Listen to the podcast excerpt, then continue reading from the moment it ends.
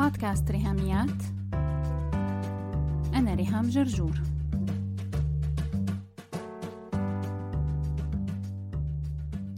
مرحبا.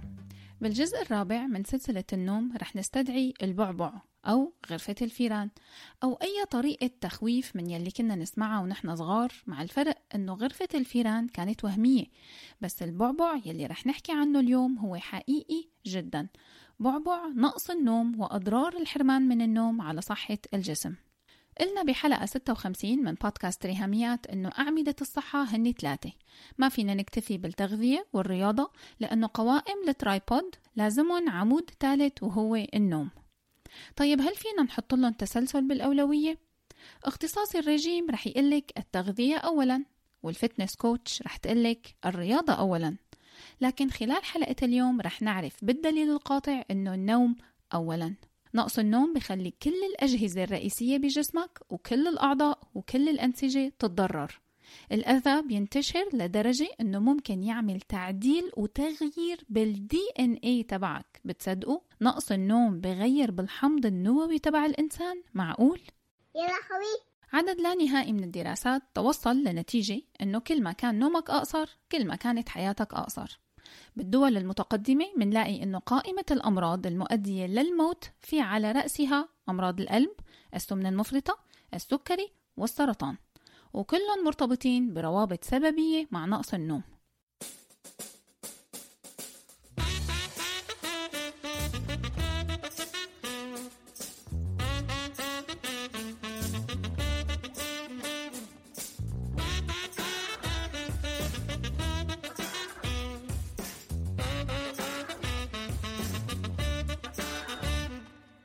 خلونا نبتدي بنقص النوم وضرره على القلب. ببساطة نوم تعبان يعني قلب تعبان. بسنة 2011 كان في دراسة على نصف مليون رجل وامرأة بأعمار مختلفة أعراق مختلفة متوزعين على 8 بلدان مختلفة. واستخلصت الدراسة أنه الأشخاص يلي بيناموا قليل كان عندهم الاحتماليات للإصابة ب أو الموت من أمراض الشريان التاجي الإكليلي أعلى بنسبة 45% خلال سبع سنوات من بدء الدراسة. طبعا مع عزل عوامل تانية مثل التدخين والرياضة وكتلة الجسم. دراسة تانية بتقول إنه البالغين يلي بعمر 45 سنة أو أكثر وبيناموا أقل من 6 ساعات باليوم عندهم احتمالية الإصابة بالجلطة أعلى بنسبة 200% مقارنة مع يلي بنفس السن لكن بيناموا 7 أو 8 ساعات بالليل. لهيك الأطباء صاروا عم يأكدوا كتير على أهمية إعطاء أولوية قصوى للنوم الكافي في منتصف العمر. مع أنه هالمرحلة هي تحديدا هي يلي فيها الظروف الأسرية والمهنية والمجتمعية كلها بتتضافر لتشجعنا أنه نعمل العكس. بس قديش صاير منتشر إننا نسمع عن حدا ضغطه عالي وعم ياخد دواء ضغط. وهالسنة رح نلاقي أمراض القلب والجلطة والفشل الكلوي رح يحصدوا حياة سبع ملايين شخص. رح يخطفوا من وسطينا آباء وأمهات وأجداد.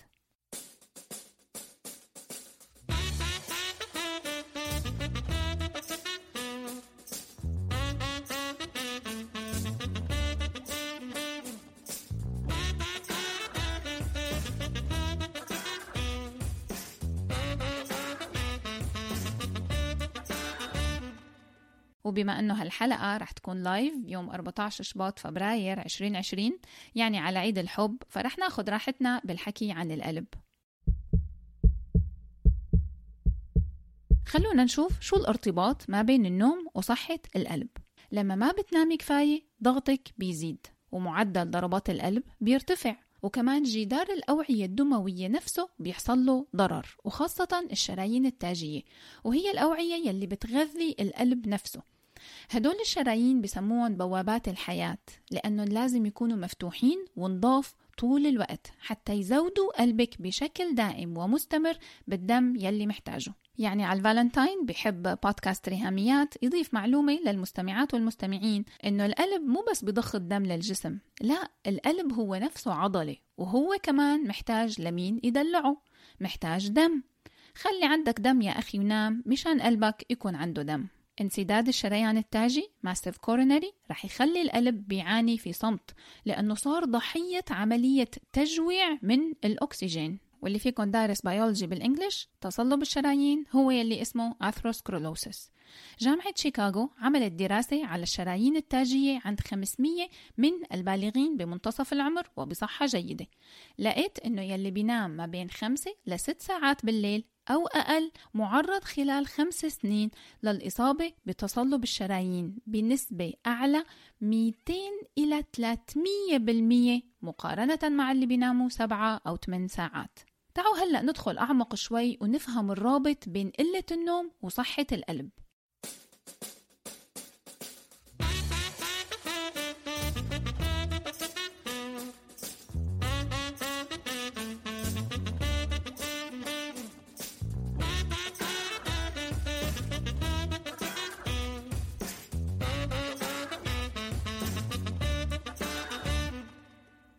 لهيك لازم نتعرف على شيء بجسمنا اسمه الجهاز العصبي الودي Sympathetic Nervous System. وهذا بس اسمه هيك يعني ما له علاقة لا بعيد الحب ولا بعبد الودود. هو اسمه الجهاز العصبي الودي وهو مسؤول عن ردة الفعل يلي منسميها قتال أو هروب Fight or Flight Response. فيك تتخيليه مثل شي جنرال كبير بالجيش والجنود يلي بيسمعوا أوامره؟ هني التنفس والمناعة وضغط الدم وكيمياء التوتر وضربات القلب. هذا الجنرال بيصدر أوامره لما تستدعي الحاجة ويكون في تهديد حقيقي للجسم بيعمم الأوامر على كل الوحدات المعنية بال fight or flight لمدة بتتراوح ما بين كام دقيقة أو كام ساعة حسب نوع الخطر والتهديد لأنه الهدف هو إنقاذ الجسم والبقاء على قيد الحياة. استنفار مؤقت لحد ما يزول الخطر وبعدين بيطلع لنا break وبنحصل على الهدوء. بس تخيلوا معي إنه هذا الجنرال دائما بحالة استنفار وإنه الجنود بحالة عمل دائم للحفاظ على الحياة. يعني الجنرال مهستر عم يصدر أوامر يمين وشمال والجنود هلكوا وما في راحة بالمرة. هيك تماما الخلل يلي بيحصل بوظائف الجسم لما الجهاز العصبي الودي بيضل شغال فترات مطولة ممكن توصل لشهور أو سنين. طيب رح تقولي لي ليش ما بيهدى وبياخد break؟ رح لك لأنك ما عم تنامي كفاية لأنه خلال النوم وتحديدا ال NREM sleep Non Rapid Eye Movement يلي هو النوم العميق بيبعت للدماغ مؤشرات تهدي الجهاز العصبي الودي إنه الجسم ما أنه محتاج fight or flight. وبالنوم العميق عنا فرصة للراحة وفرصة لتجديد الأوعية الدموية وتقليل ضغط الدم وتبطيء ضربات القلب. R I H A M I A T at uh, gmail ماشي. كتبت العنوان. هلا شو بدي أقول لريهام؟ أنا اسمي فلاني من البلد الفلاني. Send. شفتي شو سهل الاشتراك بال course المجاني Wild and Free 2020 تابعي حساب ريهاميات على انستغرام وصفحة ريهاميات على الفيسبوك و hashtag Wild and Free 2020 لو حابة تاخدي فكرة عن ال course المجاني يلي رح يكون بخلال سنة 2020 عبارة عن 52 فيديو رح نشتغل عليهم خلال السنة الجديدة. لا تترددي بعتي لي إيميل على رهاميات at gmail.com في اسمك وبلدك وخلي سنة 2020 تكون سنة التغيير الحقيقي بحياتك. تغيير صغير فرق كبير. فمتخيلين الأضرار على يلي شغلهم بيضطرن على السهر؟ أو لو هني مزاج يعني كيفين سهر؟ أو لو هني زي حالاتي الأمومة اضطرتهم للسهر بسبب ظروف سكن معينة مرينا فيها وولادنا كان عمرهم قريب من بعض وعوامل تانية كتير خلتني قعدت سليب deprived مو أول ست شهور أو سنة مثل غالبية الأمهات. لا أبص حضرتك أنا قعدت خمس سنين بحالهم ما عم نام. نعم يا عزيزتي وهذا السر يلي من وراه قررت إني أعمل حلقات النوم ببودكاست ريهاميات. يعني فيك تقولي إنه عندي عقدة من الموضوع. فاشتريت كتب بالمبلغ الفلاني وغطست فيها دراسة وترجمة لحتى وصل لكم هالرسالة. كله من وراء معاناتي الشخصية خمس سنين وأنا مشتهية نام خمس ساعات متواصلة بالليل وماني طايلة ولا حتى أربع ساعات. وقررت أني أبتدي حارب في سبيل استرجاع النوم. والحمد لله أننا بهداك الوقت استأجرنا شقة جديدة ونقلنا عليها وهذا ساعد بكتير نواحي تانية أني صرت أعرف نام حتى لو بس ست ساعات بالليل. لكنها نعمة بعد يلي مريت فيه أنه واو أنا عم نام ست ساعات متواصلة. لكن غير الأمهات والغربة واللي ظروف الأمومة تبعهم صعبة في ناس شغلة بيضطرة للسهر مثل الأطباء وخاصة الجراحين أطباء التخدير أو أي وظيفة تانية فيها شفتات ليلية. لكن كيف السهر؟ هذا شو عذره؟ رومانسي مثلا؟ عم يكتب شعر لما بيسهر للفجر؟ ولا ناوي إنه أولاده يتيتموا لما السهر يموته بسكتة قلبية؟ عن جد يا جماعة لازم ناخذ الموضوع بجدية تامة خاصة إنه بمجتمعاتنا العربية منعيب على الواحد قال فايت ينام الساعة 11 ولا 12 بنص الليل؟ لا لا لا ده بينام الساعة 12 بدري مع الفراخ. رح نطلع فاصل قصير ونرجع نكمل حلقتنا مع بعض. أنا مي الخولي host بودكاست Special أم. بتكلم على كل حاجة تخص الأم والعيلة ككل. أوعدكم هتسمعوا معلومات تستفيدوا بيها وحلول عملية سواء للمشكلات اليومية أو التحديات الأكبر اللي ممكن تمر بأي أسرة. نسيت أقول لكم إن أنا Certified Parent Coach وأهم من ده أنا أم زيكم مضغوطة و overwhelmed and trying to figure it out. please follow ال link بتاع البودكاست في ال show notes تحت.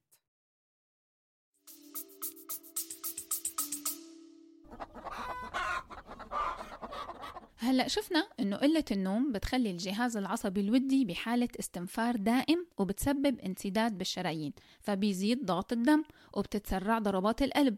وكمان بيزيد إفراز هرمون التوتر يلي اسمه كورتيزول وهذا الهرمون بيسبب انقباض بجدار الشرايين فبيزيد ضغط الدم لسه أكثر وأكثر غير هيك فعنا هرمون النمو يلي هو هرمون الشفاء عادة بينفرز بالليل ونحن محتاجينه لعملية تجديد بطانة الشرايين ال endothelium ومحتاجينه كمان للمناعة. بس الحرمان من النوم بيقلل إفرازه يعني الشرايين عم تنسد والقلب محروم من الأكسجين ورسائل التوتر المستمرة هلكت الجهاز العصبي وما في هرمون النمو يكافح الميكروبات ويقوي المناعة. وصفة كارثية.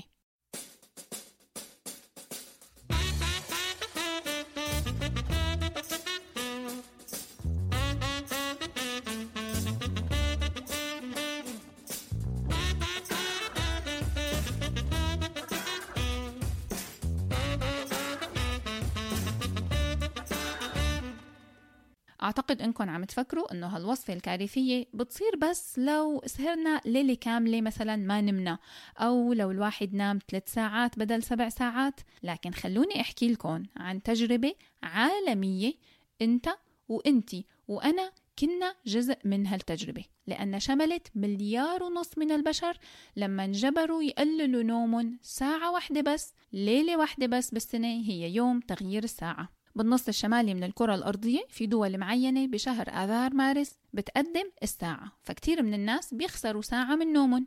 ومع متابعة ملايين السجلات بالمستشفيات بهذا اليوم تحديدا لاقوا الباحثين إنه هالساعة يلي نحن ما بنعطيها أهمية يعني ولا شايفينها بتفرق كانت هي السبب بارتفاع ملحوظ بعدد السكتات القلبية تاني يوم. والعكس تماما كان يحصل بالخريف. لما بيطول اليوم ساعة فالناس بتنام ساعة زيادة. كانوا بيحصل هبوط حاد جدا في عدد الجلطات تاني يوم. ومو بس ملايين التقارير من المستشفيات لكن كمان الباحثين راجعوا سجلات شرطة المرور ولقوا نفس القفزة ونفس الهبوط الملحوظ عم يصير بعدد حوادث السير خلال هاليومين بالسنة تحديداً. على الفالنتاين قلنا رح نحكي عن القلب. فهلأ اجى الوقت إنه نحكي عن ال molten cake وال brownies وال crepe بالنوتيلا. يا لهوي سكر الدم يلي اسمه جلوكوز لو زادت نسبته على المدى الطويل بيسبب أذى لأنسجة الجسم وكمان بضر بالصحة وبيقصر العمر. وهذا الخطر لما بيكبر كتير ممكن يوصل للعين ويسبب العمى ممكن يوصل للجهاز العصبي ويسبب بتر بالأطراف وممكن يوصل للكلى ويعمل فشل كلوي محتاجين له غسيل كلى أو زرع كلية. كل هاي أخطار زيادة السكر بنسب كبيرة لفترات طويلة. بس الحلو إنه لو جسمك صحته كويسة فعندك مادة اسمها الإنسولين يلي بخلي خلايا الجسم تمتص الجلوكوز بسرعة من الدم.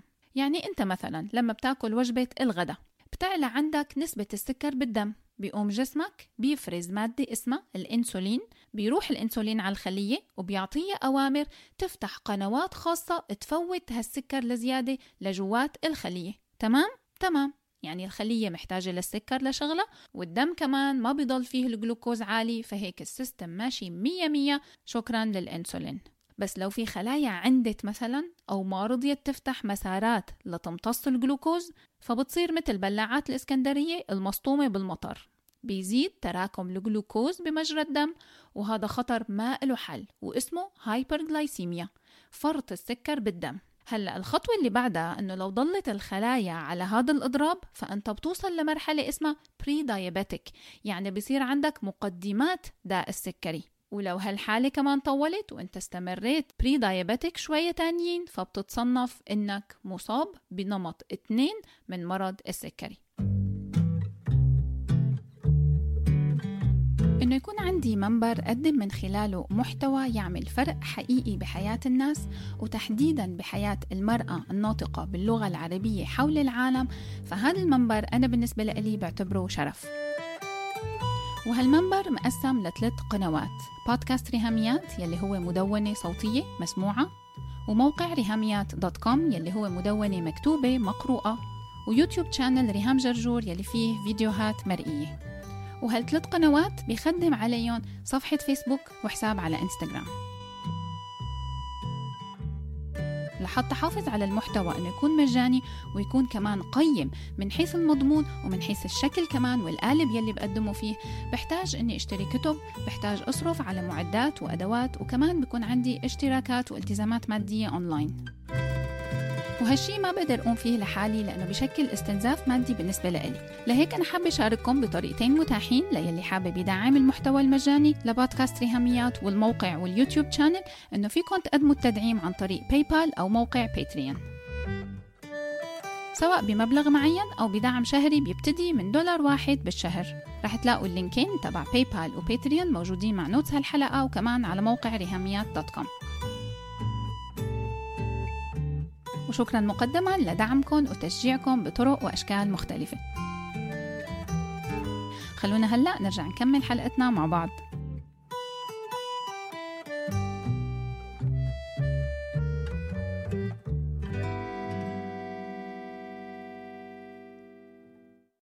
هلأ شو الربط بين نقص النوم وارتفاع نسبة السكر بالدم؟ في عدد ضخم من الدراسات انعمل على هذا الموضوع حول العالم وكان الرابط واضح ومباشر ما بين المصابين بسكر الدم وعادات نومهم يلي هي أقل من ست ساعات بالليل الوحدة. وهي الدراسات كانت تاخذ بعين الاعتبار الوزن الزايد، تعاطي الكحول والتدخين والسن والعرق والجندر.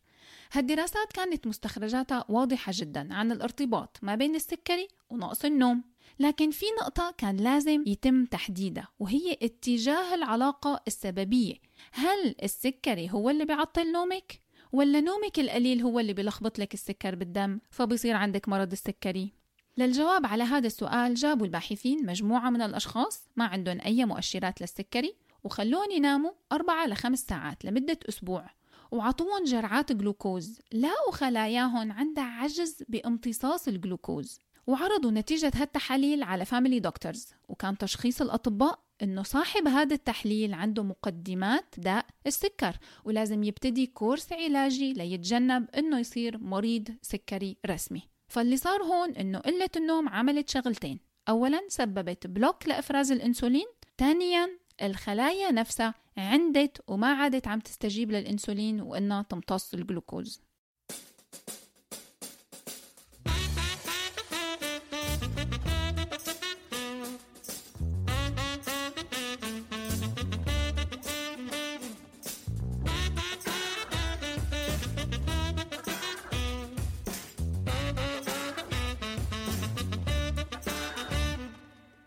طيب شو علاقة النوم بالسمنة المفرطة؟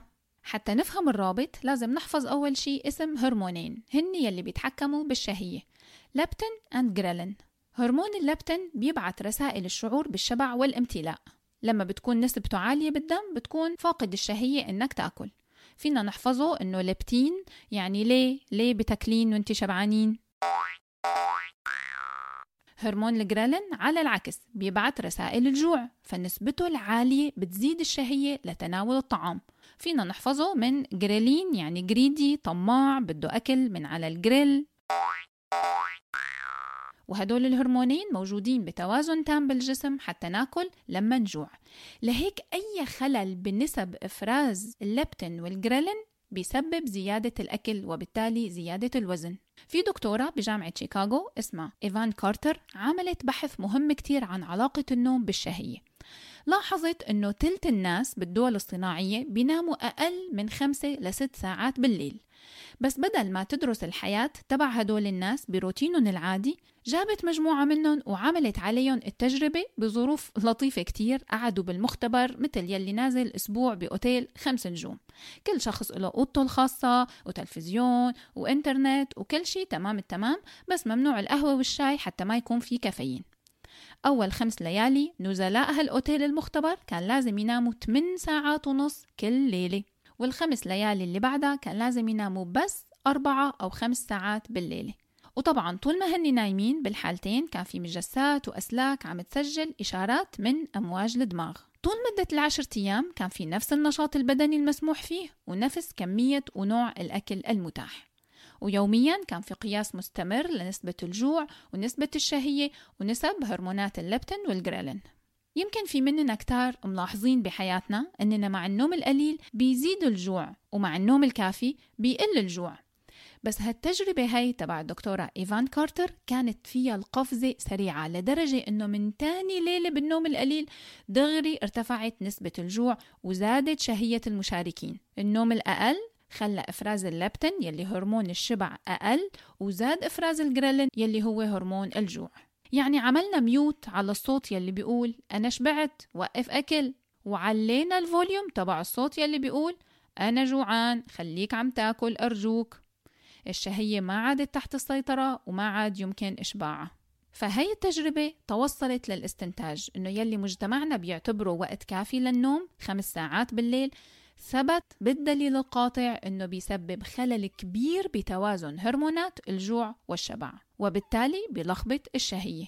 بالحلقات الماضية ذكرت لكم اسم ماثيو ووكر يلي كاتب كتاب Why We Sleep بيوصف لنا بالكتاب إنه إيف فان كاوتر قالت له هالجملة بالحرف الواحد Sleep deprived body will cry famine in the midst of plenty. الجسم المحروم من النوم يصرخ هناك مجاعة حتى وسط الوفرة.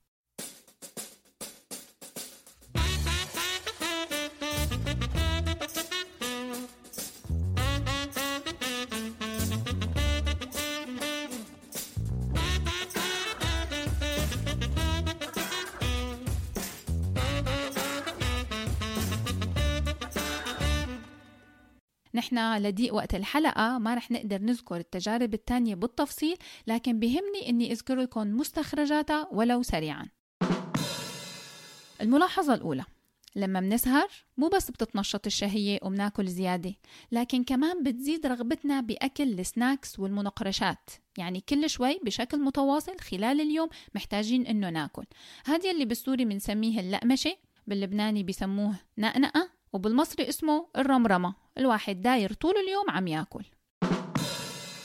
الملاحظة الثانية إنه مع قلة النوم خياراتنا بالأكل بتتوجه للسكر والكربوهيدرات مثل الباستا أكثر من البروتينات. لأنه مراكز الحكم المنطقي بالفص الأمامي بالدماغ بتتسكت مع نقص النوم. بينما مراكز الدوافع والرغبات العميقة بالدماغ عم تنشط أكثر. النوم الكافي بيساعد على زيادة التواصل ما بين هالمنطقتين بالدماغ حتى يزيد التحكم بالدوافع عن طريق تفعيل مراكز التفكير المنطقي والواعي وعملية اتخاذ القرار. الملاحظة الثالثة هي كلمة للأهل والمربين إننا ننتبه لنفس أخطار السهر مع السن الصغير. الأطفال يلي عمرهم 3 سنين وبيناموا أقل من 10 ساعات هن عرضة بنسبة أعلى 45% للإصابة بالسمنة المفرطة على عمر 7 سنين. مقارنة مع الأطفال يلي بيناموا 12 ساعة هن وعمرهم 3 سنوات. الملاحظة الرابعة ليلي عاملين ريجيم.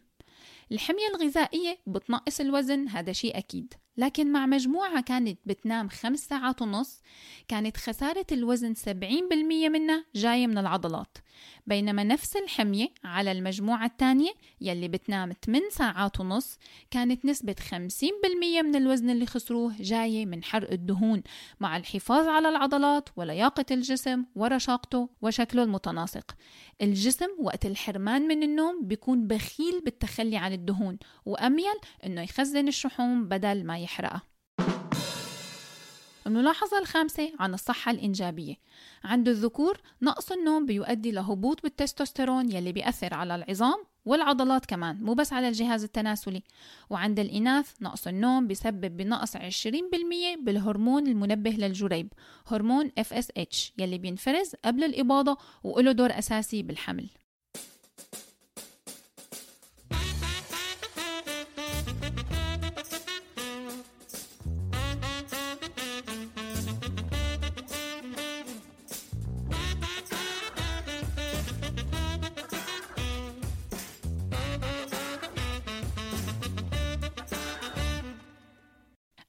نقطة رح نحكي فيها هي عن علاقة النوم بمرض السرطان وبالهندسة الوراثية. جهاز المناعة بجسمنا فيه خلايا قاتلة killer cells موجودة طبيعية بجسمنا مثل جهاز المخابرات بتلف لتلقط العناصر الغريبة وتقضي عليها. فهدول ال killer cells لما يلاقوا خلية سرطانية بيهجموا عليها وبيعملوا ثقب بجدار الخلية السرطانية وبيحقنوا جواتها بروتين يفتك بها مثل أفلام كرتون أو جيمس بوند. لهيك نحن محتاجين منها دايما كمية كافية.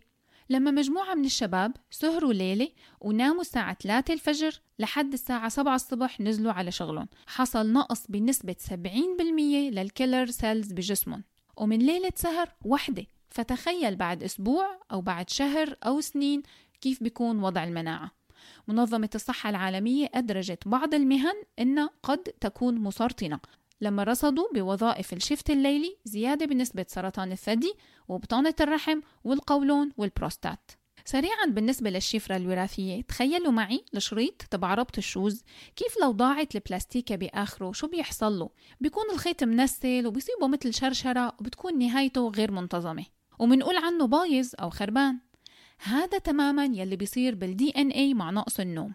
هالقطعة البلاستيك أو الطربوش هني التيلوميرات يلي بتحمي نهاية الصبغيات. هذا الطربوش بيخرب فبالتالي الكروموزومات نفسها بيحصل لها تغيير.